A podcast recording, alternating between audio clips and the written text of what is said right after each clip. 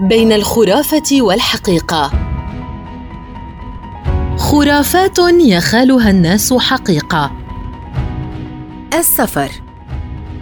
من أراد أن يسافر بعيدا دون تعب كان عليه أن يحمل حزاما مصنوعا من نبتة الارطماسيه يجدده لدى كل مرحلة من مراحل السفر. أن يجهز عصا سفره أن يبادر قبل انطلاقه في الطريق إلى دهن قدميه بنبات المهروس والممزوج بزيت الزيتون. السفير. حجر السفير يحمي من الحوادث التي تؤذي الجسد ويزودنا بقدره ممتازة على التغلب على الخداع والحسد والمخاوف الليلية وهو ممتاز كذلك في استمالة النساء. السفينة.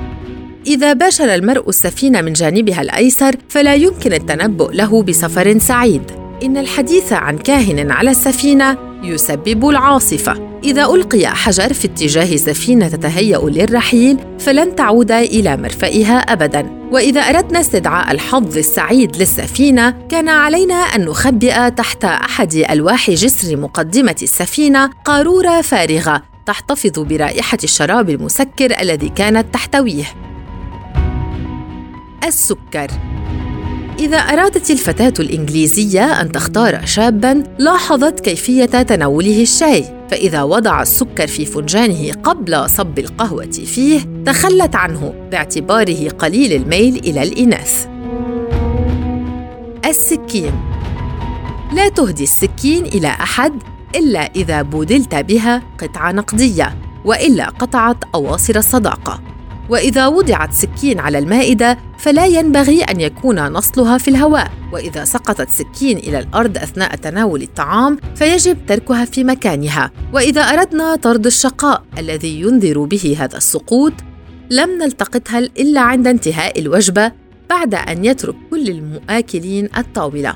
وإذا وضعت سكين افقيا على قطعة أثاث وأديرت حول نفسها ثم توقفت أشار رأس حدها إلى أول من سيناله الموت من المجتمعين ومن نسي سكينه في مكان ما كان عليه أن يسعى هو نفسه في طلبها وإلا ناله مكروه ولا ينبغي أن يغرز رأس حد السكين في الخبز رغبة في فصل قطعة منه.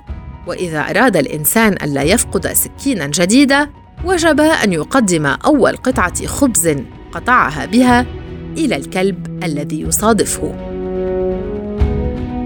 السلة. تعد السلة أداة منزلية حسنة الطالع شرط ألا تكون فارغة ولذلك توضع سلة تحتوي شيئا غريبا على الطاولة في الكثير من البيوت الفلاحية. السلطة. يجب على المرء أن يمتنع عن أكل السلطة قبل التحدث إلى جمهور ما وإلا تلعثم. السلم النقال لا ينبغي المرور تحت السلم النقال فذلك يسبب الشقاء.